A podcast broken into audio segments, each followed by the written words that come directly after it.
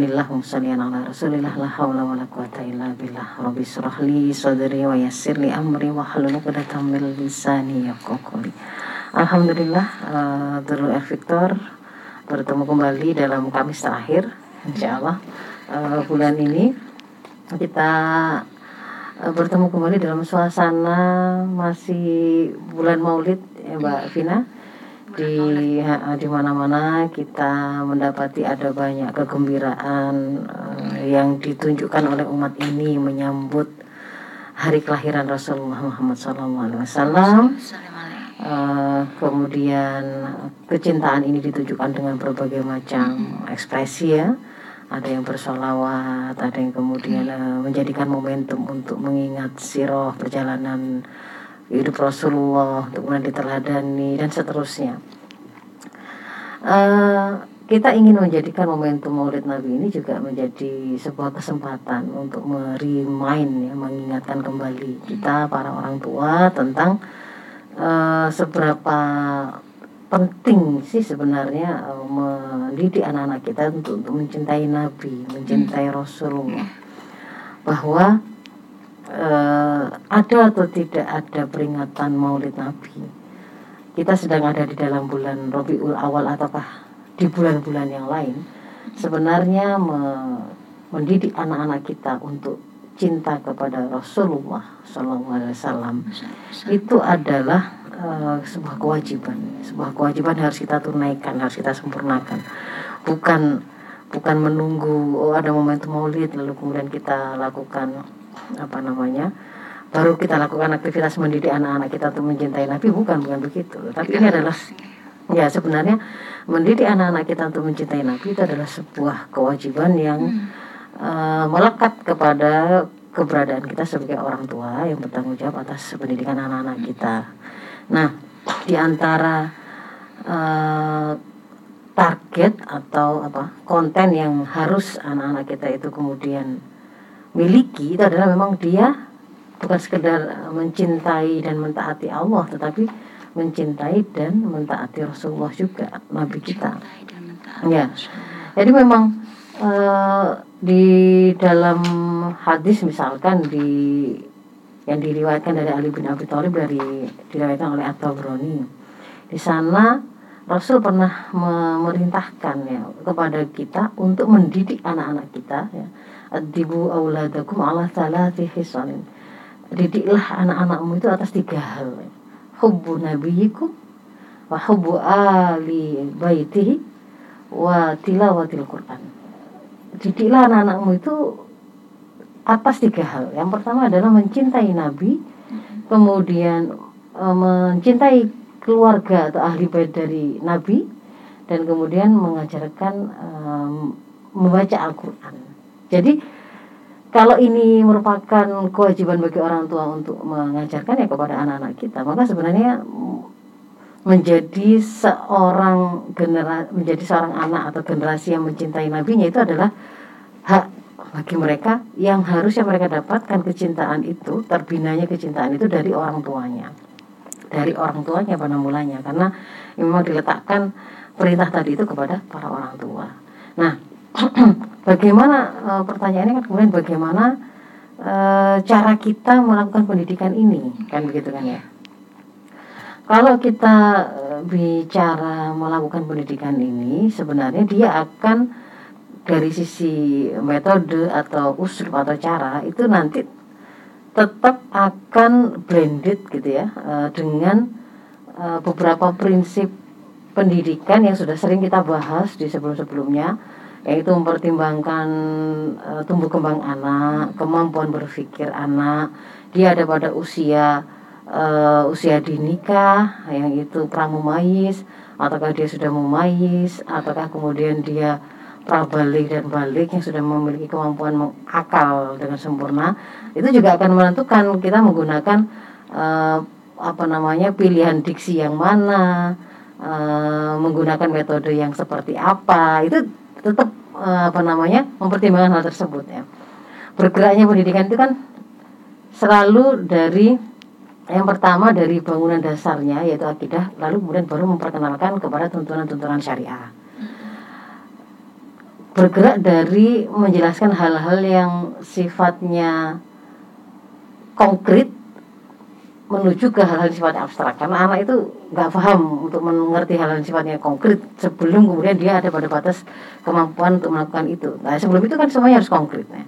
Termasuk kalau kita bicara mencintai Rasul ini kan sebenarnya bahasa yang abstrak. Ya. bahasa, nah, bahasa abstrak. Jadi nanti kalau kemudian anak ada pada uh, fase usia dia belum bisa memahami kalimat-kalimat abstrak begitu ya narasi-narasi abstrak, pemahaman sifatnya abstrak, berarti harus kita konkretkan kan gitu kan ya. Mencintai itu ya seperti apa, cara mencintai itu ya seperti apa dan seterusnya itu nanti e, kita juga harus mempertimbangkan itu. Lalu yang lain kan e, bergerak dari prinsip yang lain ya, bergerak dari menyam, membangun kecintaan ya, membangun kecintaan, membangun kesenangan Eh, menyampaikan reward sebelum kita bicara adanya ancaman, sebelum bicara adanya apa namanya uh, azab gitu ya. Sebelum kita berbicara tentang sesuatu yang uh, sifatnya itu adalah hukuman. Gitu ya. Jadi anak itu pendekatannya itu bukan bukan gini, bukan uh, kalau nggak mencintai Nabi itu nanti nggak masuk apa nggak masuk surga lo, masuk neraka nggak begitu. Jadi bergeraknya bergeraknya di antara bergeraknya pendidikan prinsipnya itu kan dari memperkenalkan surga dulu sebelum nanti pada saatnya dia baru akan setelah mengerti konsekuensi yang namanya jahat. Sebelum sebelum itu dia kan nggak mengenali namanya namanya jahat itu belum ngerti gitu ya. jadi pada waktu dia belum paham itu tuh ya justru uh, stimulasi ke arah kebaikan dan memperkenalkan reward reward memperkenalkan surga sebelum neraka memperkenalkan reward pujian sebelum uh, sebelum apa celak sebelum azab sebelum adanya ancaman dari siksa dan seterusnya begitu ya. Jadi beberapa prinsip itu tadi tetap akan terpakai ketika kemudian kita melakukan proses uh, memperkenalkan dan mendidik anak-anak kita untuk cinta Nabi. Nah, yang pertama supaya kemudian anak-anak itu kemudian merasa uh, kenapa sih kok kemudian saya harus mencintai Nabi gitu ya? Hmm. Kenapa kok saya itu harus uh, kenal dengan Nabi?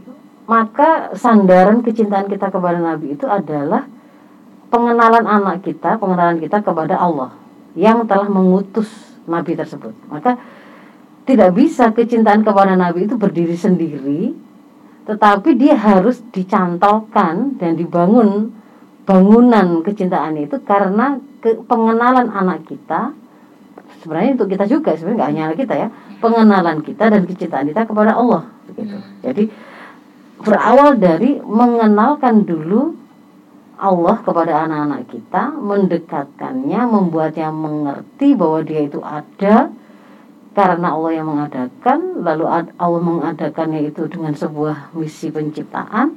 Kita itu mestinya menjadi hambanya yang yang nurut kepada apa kata Allah karena luar biasa cintanya Allah itu kepada kita. Dan cinta cintanya Allah itu yang kalimatnya itu masih abstrak itu kemudian kita konkretkan. Yang memberi memberi mata untuk anak kita bisa melihat. Ketika dia kemudian dengan enaknya dia bisa makan es krim gitu kan. Kemudian kita sebutkan di situ enak ya yang yang memberi kita itu rizki tadi sampai bisa beli es krim itu siapa? Allah.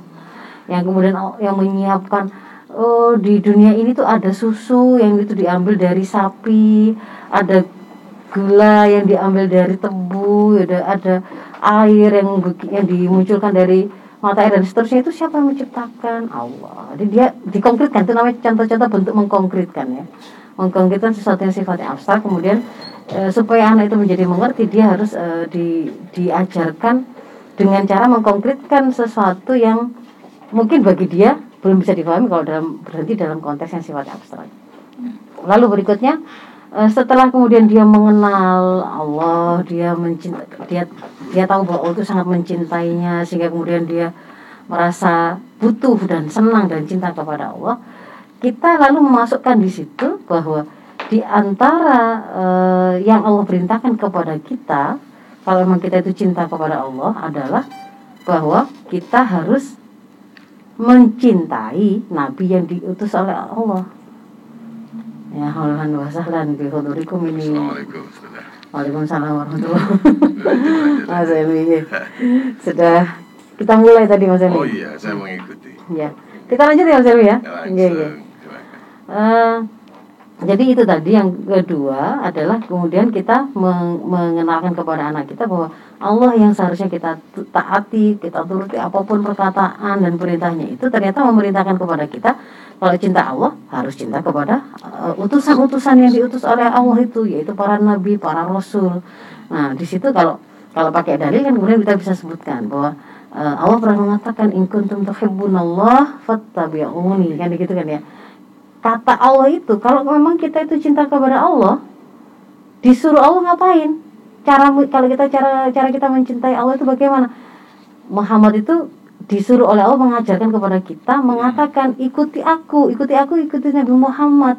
Jadi Nabi Muhammad itu yang kemudian datang dia diberi oleh Allah seperangkat aturan itu diajarkan risalah yang diajarkan kepada umatnya yang itu kalau kemudian kita ngaku cinta pada Allah harusnya kita ikuti kan gitu kan ya risalahnya tadi aturannya tadi. Lah ini bisa kita apa namanya ya bisa kita lakukan secara alami kepada anak-anak kita sampai terbentuk hmm, apa mental atau kebiasaan selalu merujuk pada Allah dan Rasulnya. Menurut apa kata Allah menurut apa kata Rasul itu ketika dalam keseharian itu memang kita biasa. Biasa eh, sebagai orang tua itu me- membangun profil ketaatan yang paling utama yang dilakukan yang dilakukan oleh orang tua saya itu apa pun itu pokoknya itu maunya kayaknya mesti nurut sama Allah dan Rasulnya begitu. Itu kelihatan dari misalkan ketika kemudian ibu saya sholat kalau saya meskipun nangis saya itu kalau nggak bahaya ya cuma hanya ngalem-ngalem saja meskipun guling-guling ibu saya juga nggak akan me- apa namanya mem- membatalkan. kan begitu kan ya. Mulanya mungkin dia nggak ngerti tapi kemudian lama-lama kan kemudian kita terangkan kenapa? Karena ibu sedang sholat. Kalau sholat itu tidak boleh kemudian begini begini begini dan seterusnya. Termasuk ketika kemudian ada apa saja gitu ya. Ehm, misalkan dia pernah lihat ada nggak sengaja apa di berita atau apa ada orang tua memukul anaknya misalnya begitu ya. Misalkan ini ya ada kadang-kadang kan pernah gitu lalu kemudian orang tua bertanya eh, anak itu kemudian bertanya pada orang tuanya. Nah kita kemudian tuh ketika memberikan jawaban bukan sekedar iya itu ibunya jahat ya kayak umi nggak sekedar begitu. Tetapi bahwa kita menunjukkan kenapa kok itu tidak boleh ya seperti itu kenapa? Ibu ibu kan nggak pernah ya umi nggak pernah kan ya memukul seperti itu kenapa? Karena Allah gitu harus harus biasa begitu harus biasa sedikit-sedikit mengatakan karena Allah itu tidak membolehkan anak-anak yang masih kecil belum mengerti itu kemudian dipukul tidak boleh. Kalau dia tidak mengerti dia harus diajarin diajarinnya harus dengan yang cara yang baik yang lembut yang bisa membuat dia ngerti. Kalau dia itu disayang dikasih tahu karena dia itu disayang kan begitu. Nggak boleh dipukul. Jadi meskipun meskipun misalkan ya ini uh, sangat nakal lalu kemudian Umi mau marah itu tidak boleh mukul. Kenapa? Karena Umi harus taat sama Allah Rasul bilang Allah mengatakan begini Rasul mengatakan begini. Jadi selalu kita katakan kata Allah kata Nabi kata Rasul itu, itu menjadi sesuatu yang biasa kita sebut sehari-hari dalam apa pun itu. Sampai membuat anak itu merasa kok sedikit sedikit Nabi sedikit Allah gitu ya. Itu akan membuat dia tuh tahu bahwa Allah dan Rasulnya itu punya tempat yang istimewa. Istimewa dalam hidup ini gitu ya. Ya. dalam dalam interaksi saya dalam eh, dalam saya menjalani hidup ini istimewa sekali. Pokoknya kalau sudah kata Allah begitu ibu saya pasti nurut ayah saya pasti nurut kan begitu kan ya. Termasuk misalnya dia kita masakkan lalu kemudian dia nggak mau itu nggak enak gitu ya. Itu pokoknya nggak suka tuh nggak enak gitu. ketika kemudian dia kemudian mencela makanan kan sesuatu yang sifatnya harian. Lalu kemudian kita bilang kata Nabi Muhammad kan gitu. Hmm. Nggak boleh mencela makanan. Makanan. Kalau mau ma kalau mau silakan dimakan. Kalau nggak mau Nggak usah dimakan tapi nggak boleh kemudian mengatakan ini begini ini begini makanan ini nggak boleh mencela makanan. Nah di, di situ kan dia oh bahkan maka, masalah saya makan atau tidak makan pun ibu saya itu ngajarinya menurut apa kata Rasulullah gitu. Sehingga nanti kalau kalau saya contohnya kalau pengalaman saya ya ketika anak itu kemudian merasa marah dengan ibunya gitu, nanti dia itu ingin menjatuhkan ibunya gitu ya. marah gitu ingin menjatuhkan ibunya. Oh, oh, itu tuh sebenarnya itu tuh nggak bisa jadi guru yang seharusnya jadi guru itu ya Allah dan Rasul lah. Itu Ya. maksudnya itu untuk menunjukkan apa apa namanya dia tahu bahwa ada posisi Allah dan Rasul yang istimewa yang bisa mengajarkan ibunya itu sampai akhirnya dia bisa ngajari begini begini begini dan pada saat ketika dia marah tadi dia dia kan mau menjatuhkan ibunya. Akhirnya kan dia keluarkan gitu. Nggak nggak bagus, nggak pintar jadi guru. Yang jadi guru itu Nabi Muhammad saja. Jadi ketika maksudnya apa? Ketika saya beri nasihat begini, dia mau tolak. Kalau itu itu rahasia dari ibunya. Nggak mau, aku tuh maunya diajarin Allah sama Nabi Muhammad. jadi itu akan keluar ketika anak itu memang secara harian itu biasa. Dia mendengar orang tuanya itu menjadikan Allah dan Rasulnya itu sebagai rujukan. Nah itu eh, strategi yang ketiga ya. Jadi membiasakan anak itu selain apa namanya kemudian kita me- me- mengenalkan Allah kecintaan kepada Allah itu implikasinya adalah cinta kepada Rasul. Mencintai Rasul itu implikasinya adalah mentaati apa semua katanya. Nah contoh-contoh kata-kata itu harus kita biasa keluarkan gitu. Harus kita biasa tunjukkan. Nggak hanya kata-katanya tapi juga perbuatannya kan gitu kan ya? Oh ya Konkret ini ya. Ah, ah, jadi untuk membuat dia oh ya apa mem- membangun kecintaan itu kan juga untuk harus kita bangun dengan cara mendekatkan profil beliau yang istimewa yang layak diteladani sebagai makhluk paling mulia itu. Misalkan kelembutannya eh, ketika ada ini kisah dia beliau dengan eh, pengemis Yahudi yang di pasar itu ya? Itu kan sering juga buta ya, itu ya. Ah, yang buta. Jadi bahwa ada seorang apa pengemis Yahudi itu di pasar itu setiap pagi dia itu sebenarnya Nabi Muhammad datang ke situ menyuapinya makanan dengan lembut bahkan menghaluskannya dulu. Eh, padahal setiap kali dia datang si pengemis itu selalu teriak-teriak menasihati jangan dek- sekali-kali dekat dengan Muhammad. Muhammad itu begini begini Iya. begini kan begitu ya. Yang itu menjelek-jelekkan. Sampai kemudian ketika Rasulullah meninggal lalu kemudian Abu Bakar ingin meneladani apa ya perbuatan yang belum dilakukan oleh Rasul yang saya belum lakukan yang, yang dilakukan oleh Rasul tapi saya belum lakukan. Diberitahu itu, itu tadi kemudian beliau ketika datang ke pasar itu baru si pengemis ini mengetahui ini bukan kamu bukan orang yang biasanya gitu. Bukan orang yang biasanya. Kenapa? Karena kalau biasanya itu begini lembut dia akan menyiapkan saya mempersiapkan makan sampai ditelan sangat enak. Pokoknya kebaikan-kebaikan yang disebut. Lalu Abu Bakar kemudian mengatakan ya orang yang kau sebutkan itu memang bukan saya. Beliau sudah meninggal. Dan itu adalah yang kau sebutkan di depan itu sebagai orang yang kau cela-cela tadi itu Muhammad itu. Nah, itu mengantarkan kepada eh, Masuk Islam. Islam ya? Itu contohnya kan oh kelembutan. Lainnya lagi misalkan eh, ketika apa namanya ah ini juga sering terjadi keseharian anak-anak itu kan prank-prank ya. Anak sekarang mulai mengenal Oh, mengenal prank. prank sekarang ya. Sedikit-sedikit prank ngeprank gitu ya. Sampai kemudian ada kali mereka ya nangis karena diprank sama temannya gitu ya. Katanya tadi itu loh kalau aku itu melakukan begini kata temanku tuh aku akan dikasih begini gitu ya dia cerita begitu. Lalu ternyata kok tidak di prank gitu katanya temannya gitu. Lalu, lalu ketika dia menceritakan seperti itu kita juga bisa memberikan pada saat seperti itu kita install pemahaman yang benar ya itu juga akan mendekatkan dia kepada Rasul dan menggambarkan profil Rasul sebagai teladan. Rasul itu nggak seperti itu kalau seperti itu nggak boleh nah kata Rasul itu begini barang siapa di antara kalian manggil seorang anak eh sini sini sini lalu pakai diiming-imingi kamu nanti kalau ke sini akan aku beri sesuatu ini kan begitu ya. Ternyata kemudian kata Rasul itu wajib kalau anak itu kemudian datang wajib untuk memenuhi apa yang tadi engkau janjikan. Nggak boleh kemudian tidak dipenuhi. Jadi misalkan eh eh, sini nanti tak kasih permen. Maka kalau anak itu melakukan harus diberikan. Tidak boleh kemudian prank-prank begitu. Itu namanya melakukan sebuah eh, kebohongan. Dan seorang muslim tidak boleh melakukan kebohongan seperti itu. Melakukan prank-prank kayak begitu itu juga sama dengan berbohong sebenarnya kan begitu. Lalu kita bisa sebutkan di situ tentang hadis rasul eh, ayat dari munafik itu seperti apa kan gitu. Kita menerangkan tentang kewajiban untuk berkata jujur atau kalau nggak bisa diam eh, ber- berkata baik. Dan seterusnya itu alami saja. Jadi itu adalah untuk dalam rangka me, me- apa namanya meraih target mendekatkan anak kita kepada sosok Rasul. ya. Sambil kemudian membiasakan anak kita itu juga melihat bahwa Rasul ini istimewa posisinya Hmm. di hadapan orang tua saya, di hadapan seorang muslim karena dia harus kalau sudah berkata Allah, berkata Rasul, kita harus nurut gitu kan ya. Meskipun sebenarnya ibu saya tuh pengen umi itu kayak pengen marahin tapi kalau ingat kata Nabi Muhammad kan tidak boleh. Jadi akhirnya ngomongnya itu baik gitu ya, ngomongnya baik. Dia juga akan mengambil itu. Jadi ketika mulai suatu saat kita agak khilaf gitu ya, keras gitu ngomongnya, dia akan mengatakan tidak boleh seperti itu, Umi tidak boleh, Ibu nggak boleh seperti itu. Kenapa? Karena Nabi Muhammad mengatakan, nah, dia akan bisa mengulang perkataan kita, karena dia sudah biasa mendengarkan itu. Nah, lalu yang berikutnya adalah ya. ini kan sambil ke sambil dia apa namanya eh, satu sisi dekat sering mendengar satu sisi kemudian dia mulai mengenal profil beliau ya. Keutamaannya itu karena akan muncul cinta di situ karena iya kok ada kok makhluk seperti itu gitu ya. Hmm. baik sekali ya. Gak kayak ayah saya gak kayak ibu saya yang kadang-kadang sering marah atau itu kan dia dia kan lihat emang itu contohnya. Tapi ibu saya juga ayah saya juga berusaha untuk nurut kok itu kan.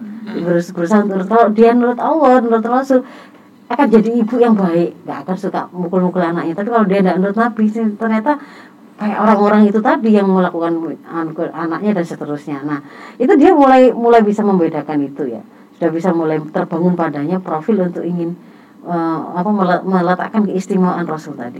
Nah ini kemudian bisa kita tambah dengan yang anu berikutnya adalah mengenalkan sirah Rasul, sirah. ya. Sirah ini nanti tidak semata-mata tentang bicara tentang profil beliau sebagai pribadi soalnya. Kalau kita bicara eh, mengenalkan anak-anak kita pada sirah itu nanti kita akan ketemu dengan mem- mem- memperkenalkan profil Rasulullah itu secara utuh. Ya beliau sebagai seorang eh, laki-laki atau dari anak ya bagaimana di situ kan eh, dua bulan di kandungan wafat ayahandanya ini bisa metodenya bisa dengan bernyanyi bisa dengan membacakan buku bisa dengan dongeng. Ini bicara metode tapi kalau prinsipnya adalah memperkenalkan sirah. Dari dari beliau sejak sebelum diangkat jadi rasul sampai kemudian meninggalnya. Itu memang memang perjalanan hidup itu dipotret gitu ya diceritakan. Jadi eh, sejak dalam dua kandungan di dua bulan di kandungan wafat ayahandanya. Itu kan ada lagunya ya Rohatil Atil gitu kan biasa gitu ya. Abdullah nama ayahnya. Itu sambil mengenalkan itu semua siapa nasabnya? Siapa bapaknya? Siapa kakeknya? Siapa istrinya? Siapa? Itu dulu beliau itu dari keluarga yang seperti apa ya? Kakeknya itu bagaimana? Peristiwa tahun gajah. Itu itu, itu semuanya itu harus diceritakan. Harus diceritakan untuk kemudian bisa membuat anak itu Iya kayak meskipun itu ber- berabad-abad tahun yang lalu Sudah dia nggak kebayang, pernah ya. nggak pernah gitu ya kita ketemu dengan Rasul ibunya juga nggak pernah bapak juga nggak pernah ketemu tapi ketika dia selalu menghadirkan itu gitu itu seperti Rasul itu ya hidup hidup terus dalam di depan dia gitu ya. pelajaran tentang kehidupan beliau yang yatim itu tidak kemudian apa namanya menjadi anak yatim itu tidak kemudian berarti pasti sudah wis nggak bisa jadi orang baik nggak bisa jadi orang hebat. Hmm. Contohnya Nabi Muhammad itu dua bulan sudah yatim. Habis itu kemudian gitu kan enam tahun eh, usianya wafat ibunya. Lalu dipelihara oleh oleh kakeknya sampai delapan tahun ternyata kakek meninggal. Dipelihara oleh pamannya. Paman bikin masa kecil menggembala dagang saat remaja itu kan kalimat-kalimat yang juga enak di, eh, di apa namanya kalau di lagunya itu kan juga langsung bisa ngerti anak. Oh jadi kecil itu juga enggak hanya main-main memang Mhm. juga ada membantu orang tua. Rasul juga menggembala waktu kecil. Waktu sudah mulai ngerti diajak berdagang gitu kan ya. Diajak berdagang besar, berpergian, berperjalanan itu memang di antara yang diberitakan. Lalu kemudian di situ nanti akan ketemu dengan fase di mana beliau eh, memikirkan keadaan umatnya, lalu kemudian menerima wahyu jadi rasul kan. Jadi rasul itu dapat risalah seperti apa? Di situ kesempatan kita menerangkan risalah Islam, syariah Islam. Yang dimaksud dengan wahyu itu apa? Yang dimaksud dengan ajaran-ajaran Islam itu apa? Ternyata itu juga bicara tentang segala aspek kehidupan. Dari yang sifatnya personal seperti doa bangun tidur, masuk kamar mandi sampai nanti kita tidak boleh kalau ada orang jualan tidak boleh tidak boleh dia itu timbangannya curang. Dia pilih-pilih yang busuk-busuk. Kan ada gitu misalkan ya peristiwa-peristiwa begitu. Nah, itu bisa kita masukkan ke situ untuk dikaitkan dengan apa pun peristiwa yang hari ini terjadi langsung kita kaitkan dengan sirah Rasul, profil Rasul, ajaran Rasul. Semua ada contoh di situ ya. ada contoh semua sampai nanti pada bernegara kan ya bernegara pun juga begitu bagaimana juga termasuk ketika beliau memperjuangkan apa melakukan dakwah Islam ini menghadapi apa beratnya eh, tantangan-tantangan dakwah dikatakan gila dikatakan tukang sihir eh, dikatakan memisahkan keluarga lalu di sampai diku- dikucilkan diboikot tidak makan dan seterusnya. Itu tuh juga akan membentuk nanti nanti dalam perjalanan kan juga akan membentuk anak meneladani untuk tangguh tadi itu tangguh tadi itu. Dan itu e, cara menyampaikannya juga ses, apa dengan cara yang tadi saya sampaikan sesuai dengan umur tahapannya. Kalau anak itu sudah usia apa menjelang balik dan balik itu kan wajib dia sudah mengenal dakwah dia sudah mulai mengenal bahwa dia itu harus menjadi pemimpin di tengah masyarakatnya. Jadi dia nggak boleh hanya di rumah atau gitu kan? Nah itu kan juga perlu itu. Kalau teman saya loh temanku loh kemarin itu gini apa dia suka ambuli teman-teman yang lain dan ada geng-gengnya terus begini-begini. Kita kan mulai ngajari itu. Temanmu itu sholat nggak? Itu nggak nggak sholat kalau yang itu. Kalau nggak sholat berarti begini kalau kamu berani mengingatkan kan gitu kan ya? Misalkan gitu. Kita sudah mulai mengenalkan dakwah kalau kamu berani mengingatkan kamu ingatkan temanmu itu. Tapi kalau dia itu tidak tetap tidak mau sholat dan malah dia itu mengajak pada waktu sholat malah diajak ke mana malah bully ini ini itu tinggalkan. Itu kan berarti di situ ada sebuah ada sebuah profil yang dia butuhkan. Contoh untuk tetap berani itu kan butuh butuh profil. Contoh untuk tetap uh, kalau misalnya nanti ditolak, kalau saya nanti di, dibilangin begini loh, kan ada contoh juga Rasul bagaimana melakukan dakwah lalu ditolak, dibilangin begini, bilangin begitu. Nah, jadi itu juga akan dibutuhkan gitu ya. Jadi proses itu sampai sampai sirahnya Rasul itu sampai selesai itu ceritakan semua. Terus misalkan waktu meninggalnya, bagaimana kecintaan beliau gitu kan ketika nyawa itu diambil. Nah itu juga akan ada ada pelajaran sendiri. Jadi ketika sirah ini mau dihadirkan betul kepada anak-anak kita hidup gitu ya nggak sekedar seperti dongeng gitu. bagus tapi dongeng. Kalau jonggrang itu kisahnya itu kan bikin seribu candi. Kok kayak hebat itu? Tapi dongeng itu nggak anu nggak nggak ada ininya gitu ya.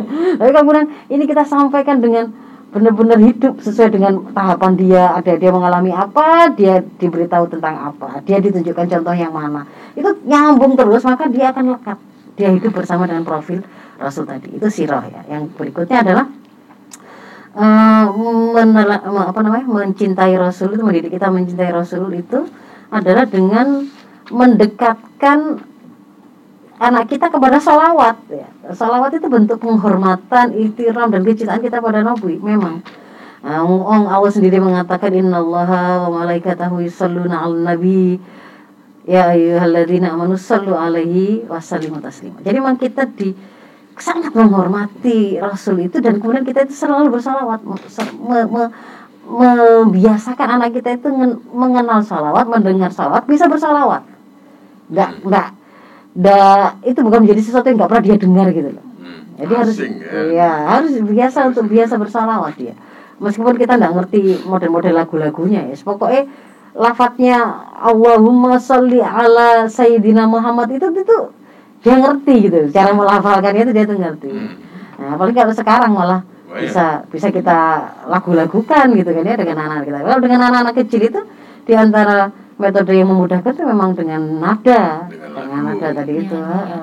ya kalau saya selain apa namanya mengenalkan dia bagaimana cara anak saya misalkan ya masih usia dini bersalawat hmm. dia saya syuting Nah. Saya syuting saya lalu saya editkan video jadi suaranya rekaman itu saya masukkan ke dalam video dan dia menikmati vid ada video dengan suaranya sendiri ada video klipnya yang itu saya cuplikan dari video tentang perjalanan Rasul jadi waktu meninggal jadi waktu nyanyi Rahatil Atiyarul Tasdi itu itu saya bikinkan ada suaranya anak saya lalu ada videonya dia bisa lihat enam tahun ibu meninggal waktu habis dilahirkan itu secara sesuai adat yang ada disusui Halimah. Itu kan ada adegan gitu ya? Yeah. kemudian uh, iya jadi jadi ketika ketika ketika tahu begitu tuh anu dia menikmati sambil oh ternyata saya bisa ada kebanggaan kan ya saya bisa nyanyi saya bisa salawat dan di situ dia bisa menikmati perjalanan kalimatnya saya sebut itu ada maknanya semua. Itu me, uh, mancap uh, ya iya. jadi ada maknanya gitu. Ternyata saya ngomong mengatakan 8 tahun itu kemudian usianya wafat kakeknya. Hmm. itu tuh itu peristiwa itu maksudnya begini gitu loh. Itu begini ketika 40 tahun tuh mendapatkan wahyu itu surat apa itu kan. Mungkin mungkin di videonya saya buatkan ada ikro itu. Jadi itu contohnya. Apa pun bisa dilakukan lah. Tapi yang jelas sirah tadi itu memang harus di, disampaikan. Lalu kemudian juga membiasakan di salawat itu salawat itu. Untuk kemudian anak itu eh, apa? Secara refleks lah. Kecintaan dia kepada Rasul itu kayak kalau kayak ketika kita itu merasa uh, merasa kebesaran Allah kemudian kita bertakbir kita bertahmid kita bertasbih itu sama juga dan ketika ingat Rasul itu otomatis langsung bersolawat sebagai bentuk kecintaan strategi berikutnya adalah kita mengenakan hadis itu artinya memang kurikulumnya jadi kita kan kita kan juga mengajarkan Al-Quran hmm. kita juga mengajarkan hadis jadi hadis itu misalnya kita pilih dulu hmm. pilih dulu dengan uh, ada sekarang itu mulai banyak buku misalkan 40 hadis pilihan untuk anak gitu. Nanti di situ tuh dis- disusun untuk disusun dengan dengan konten-konten yang kira-kira dekat dengan anak. Misalkan eh oh, oh, oh, menuntut ilmu, keutamaan menuntut ilmu itu di situ nomor satu biasanya. Kemudian eh, jangan marah. Kalau kemudian dia bergaul, kalau kamu sedang berbicara dengan ada tiga orang, kamu jangan hanya ngomong dengan dua orang. Itu di situ ada contoh-contoh hadis Nah, itu itu kita kita berikan mendekatkan dia kepada keseharian hidup bersama tuntunan Rasul itu dengan cara mengajarkan hadis. Memang membaca hadisnya dibaca. Hmm. Jadi dia ngerti sumbernya itu oh ini. Kalau perlu itu memang termasuk menghafalnya, Mas Emi. Jadi Ya. ada sanatnya, matannya itu memang kemudian diajarkan untuk disuruh ulangi. Talabul ilmi, faridatun, ala. Nah, itu kemudian siapa yang meriwayatkan itu diajarkan nanti sambil perjalanan kita membaca hadis-hadis tadi itu maka dia akan ketemu dengan beragam pengetahuan yang dia dapatkan dari hadis. Ya, saya kira itu mungkin beberapa contoh cara strategi kita mendidik anak untuk mencintai Nabi. Ya. Gitu. Tadi ada apa namanya orang tua memberikan contoh apa namanya memberikan contoh ini loh Rasul Iya. contohlah eh, kemudian semuanya dikembalikan kepada Allah. Nah ada hal yang menarik ini sadar ketika orang tua itu memberikan ini contoh contoh contoh dan sebagainya. Mm-mm. Tapi orang tuanya nggak bisa jadi contoh. Nah, ini gimana satu itu yang eh, jadi sekarang ini kan banyak orang yang bisa memberikan contoh Hmm. tapi tidak bisa dijadikan Contoh. contoh. Yang kedua yang tadi disampaikan kalau ini semua bisa disampaikan oleh orang tua mm-mm. berarti orang tua harus punya kemampuan. Ya, betul. Nah, bagaimana kalau kemudian orang tuanya juga tidak bisa, tidak Mm-mm. mampu? Mm-mm. Ini kan masalah juga ini. Mm-mm. Ya, jadi yang pertama tadi itu eh, tentang kita mau menghadirkan Rasul sebagai sosok teladan terbaik. Sebenarnya itu tidak harus gini, kemuliaan dan dan profil Rasul sebagai teladan terbaik itu tidak dipengaruhi sosok orang tuanya sebenarnya. Artinya kan beliau itu mau orang tua orang tua kita itu orang tua yang sangat soleh atau ti- agak nggak terlalu baik Hmm. itu tidak mengurangi profil Rasul itu memang yang terbaik gitu kan ya teladan terbaik Hmm.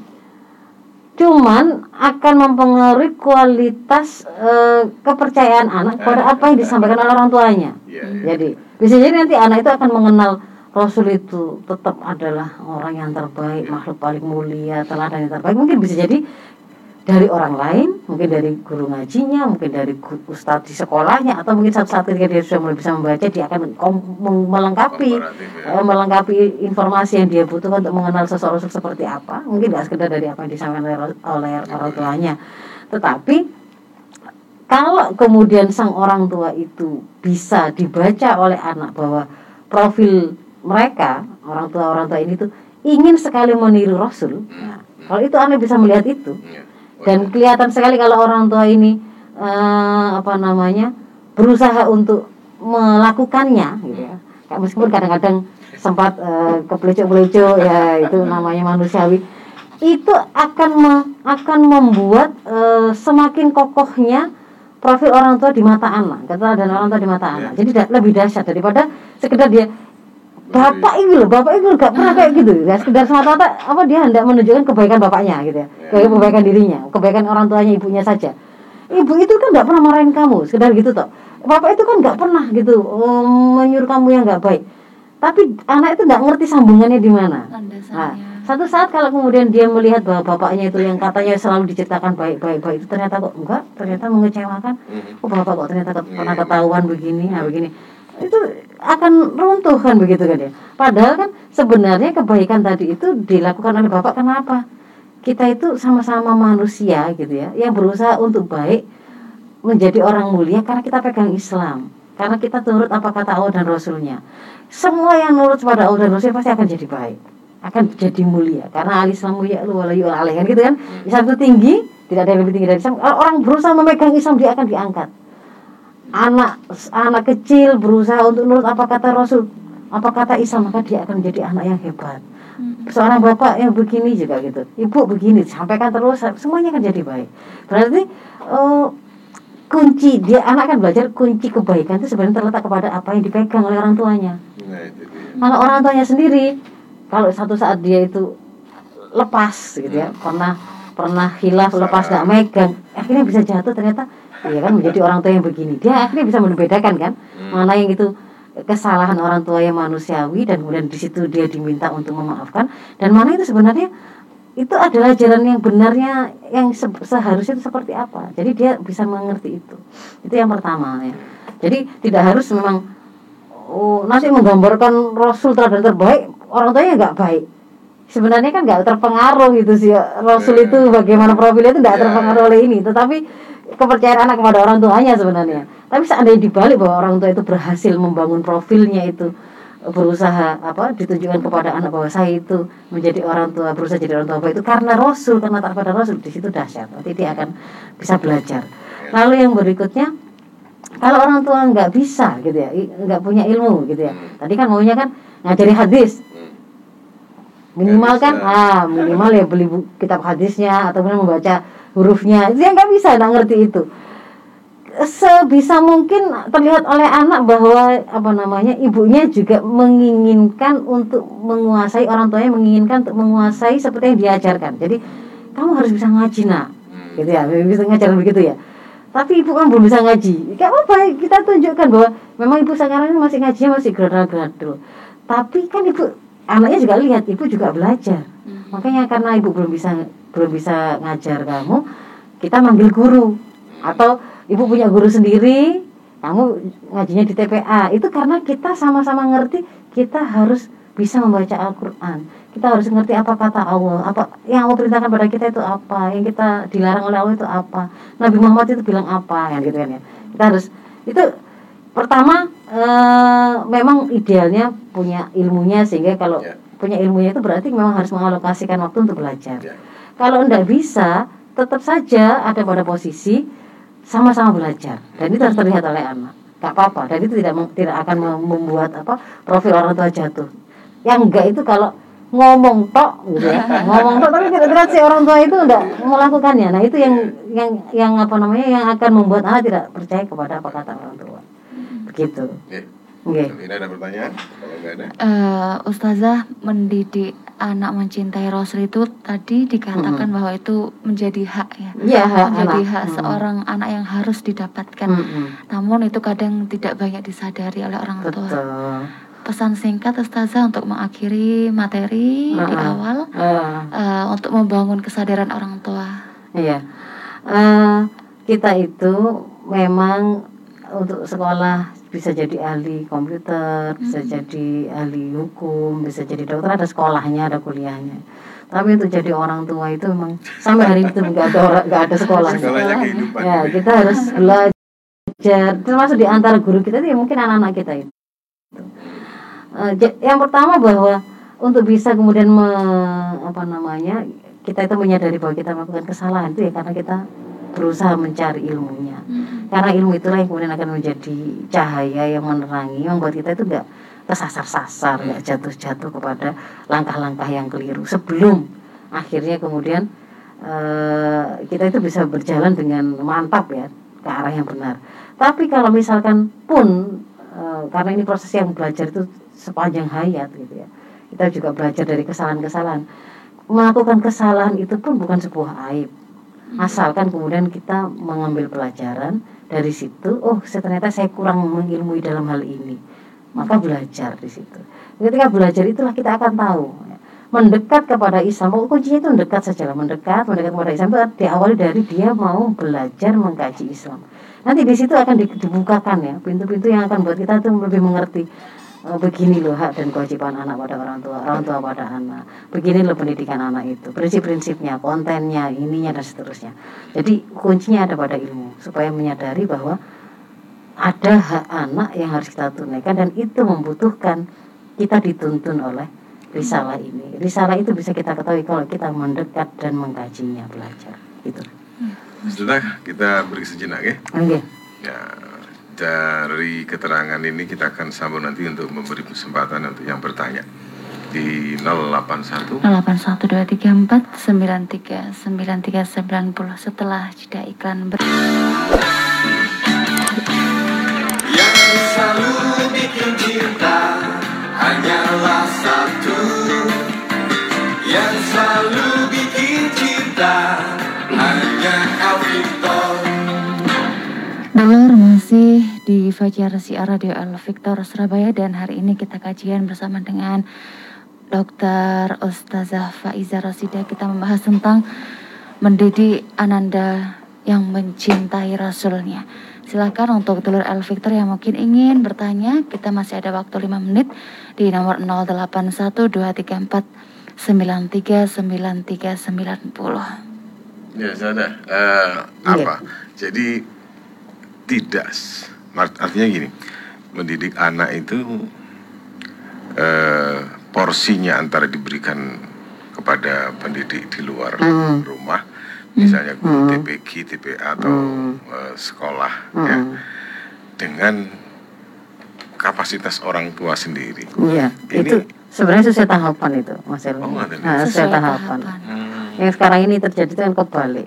Nah, itu dia. Ada masa di mana orang tua itu bahkan tidak tidak punya gangguan sama sekali nah, akan kedekatan dia dengan anaknya karena anak itu pasti alami dia itu dekat, attachmentnya kuat dengan orang tuanya dan bapak ibunya. Karena yang dia kenal saat itu lingkungannya itu ya hanya rumah, bapak ibunya, iya. keluarga di situ. Iya. Nah, ternyata pada saat seperti itu itu terutama pada usia dini ya itu ternyata tidak digunakan atau dimanfaatkan oleh orang tua tetapi kemudian justru dia lepaskan ke orang lain. Pada saat kemudian akhirnya di situ tidak terbangun kedekatan kan begitu kan ya karena itu sebenarnya kesempatan mereka tapi tidak mereka ambil. Ketika kemudian usia itu balik 14 tahun ke atas di mana itu pada pada fasenya kalau dalam Islam itu memang fase untuk di, mulai dilepas karena dia dia justru sudah sudah terbangun kokoh kepribadian Islamnya, sedang membangun profil kepemimpinan di masyarakat. Hmm. Kan justru harus banyak dilepas, dia justru harus banyak bersosialisasi. Yeah. Itu justru orang tua orang hari ini tuh karena khawatir anaknya itu dengan narkoba, hmm. dengan pacaran, dengan free sex malah ditarik-tarik supaya tetap di rumah. Kebalik. Kebalik. Kebalik. Hmm. Padahal sudah anak itu harusnya dilepas dengan tenang. Dia malah ketakutan disuruh di rumah nggak boleh ke mana-mana nggak boleh sama teman pun begitu karena khawatir. Hmm. disuruh ikut orang tuanya ke mana-mana. Tapi pada waktu anak sebenarnya pada usia di mana memang oleh Allah, oleh Allah dikasih privilege. Bapak ibunya itu kasih keistimewaan kasih kasih apa kesempatan emas. Iki anakmu iki pancen iki wis hmm. apa-apa itu kamu tangan pertamanya. Nah, kamu lingkungan terbesar terbaiknya yang dia kenal dia pasti akan ngetup kamu ke mana-mana. Itu harus yang kemudian dipakai nggak dilakukan. Nah, jadi hmm. jadi sebenarnya porsi itu berjalan sesuai dengan tahapan tumbuh kembang. Karena di dalam pendidikan anak itu di antara prinsipnya adalah berbasis usia. Dan gitu ya berbasis usia. Jadi kalau usia dini itu isinya apa? Itu kan lebih ke arah kayak bangun rumah. Kalau bangun rumah ya, itu ada tahapan dulu. ada tahapan bikin desain dulu. Ini bicara visi misinya orang tua desainnya. desainnya setelah kemudian desain itu punya apa yang saya cari sih sebenarnya saya mau buat anak saya itu jadi seperti apa. Ini kan butuh ilmu visi misi desain itu itu terkait dengan pemahaman orang tua terhadap kehidupan. Maka dia akan cari gitu ya akan cari orang tua yang eh, Allah yang memberikan anak kepada saya sebenarnya menginginkan saya mencetaknya jadi seperti apa. Visi pendidikan itu buka kan nanti kan dia akan buka dia akan ketemu oh harus jadi khalifatul wafil ad oh harus jadi khairu ummah begini begini begini itu dia harus tahu visi lalu kemudian setelah desain itu dibikin ini modalnya modalnya ini kan ya kita siapkan biayanya kita belanja semennya berapa hmm. buat batunya berapa dan seterusnya itu tuh sebenarnya kalau dalam membangun pribadi anak itu adalah kita mestimulir sebanyak-banyaknya menyiapkan fisik emosi naluri kemampuan akal anak untuk kemudian siap nanti itu kemudian dibangun ya. Jadi di situ misalkan supaya anak itu badannya kokoh kuat tulang-tulangnya tumbuh dengan sehat. Nah, itu yang butuh makanan bergizi. Dia butuh dilatih motorik kasar. Dia butuh dilatih tangan-tangan jemari ini itu bisa bergerak oh motorik halus gitu kan ya. Dia diaj butuh diajari untuk mengenal emosinya. Ini rasa sedih, ini rasa lapar, ini rasa sakit, ini gembira. Itu kan itu pengenalan-pengenalan itu, itu ada pada usia dini gitu pada usia dini nanti kalau kemudian uh, termasuk otaknya tadi otaknya itu kan untuk kemudian proses berpikir itu membutuhkan otak yang sehat nah itu kan juga butuh butuh dia dijaga dari makanan-makanan bisa merusak otaknya dari hal yang bisa mempengaruhi perkembangan otaknya termasuk juga stimulasi memberikan apa semua indera-inderanya kan? Memberikan informasi ini benda namanya ini ini mobil ini ini itu kan semua itu kita sampaikan itu ya. Kita di jalan kita di mana-mana. Di jalan misalnya pohon aspal awan burung itu semua kan kita sampaikan. Di rumah juga begitu. Sampai akhirnya dia itu punya modal. Setelah itu nanti pada fase berikutnya pada fase tujuh tahun kedua menawan dia dalam kedisiplinan di situ kan mulai dibangun kita mulai bangun mulai bangun rumahnya itu ya.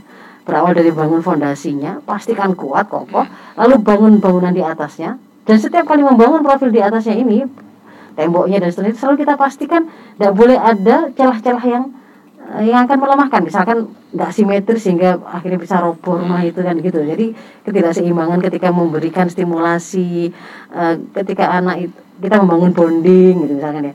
Kalau anak itu uh, cuman ngerti orang tuanya itu cuma marah-marah tok dan hanya me, apa mencela kalau dia salah tapi minus memberikan apresiasi dan pujian itu kan nggak imbang. Jadi itu contoh berarti setiap kali membangun di atasnya itu tuh selalu dipastikan kuat kuat kuat sampai kemudian setelah itu tegak ya kita bicara bangunan itu sudah tegak. Kita baru bicara profil khas lain yang hendak kita buat pada bangunan itu. Bangunan itu ada bangunan dasar ada bangunan bangunan khas lainnya. Misalkan dia mau jadi rumah makan apakah jadi masjid apakah dia jadi uh, apa namanya gedung pertemuan kan beda-beda. Anak juga begitu. Profil dasarnya itu soleh. Berkebaran Islam tetapi profil tambahannya dia bisa jadi dokter bisa jadi dan seterusnya seterusnya macam-macam itu. Nah itu butuh butuh tahapan pendidikan yang tidak hanya dilakukan oleh orang tuanya tapi juga melibatkan guru lain proses-proses lain. Nah, jadi di situ semuanya itu sebenarnya itu harus diketahui oleh orang tua sehingga dia bisa melakukannya. Saya kira ilmu lah ujungnya ya. Ya, betul. harus mengilmuinya. harus berilmu Nah, orang tua. ya. Orang tua Iya. harus banyak belajar. Belajar. Itu. Saya kira itu. Waktunya habis ya ini. Iya. Mohon maaf atas segala hal yang berkenan. Aku minum. Hidina Assalamualaikum warahmatullahi wabarakatuh.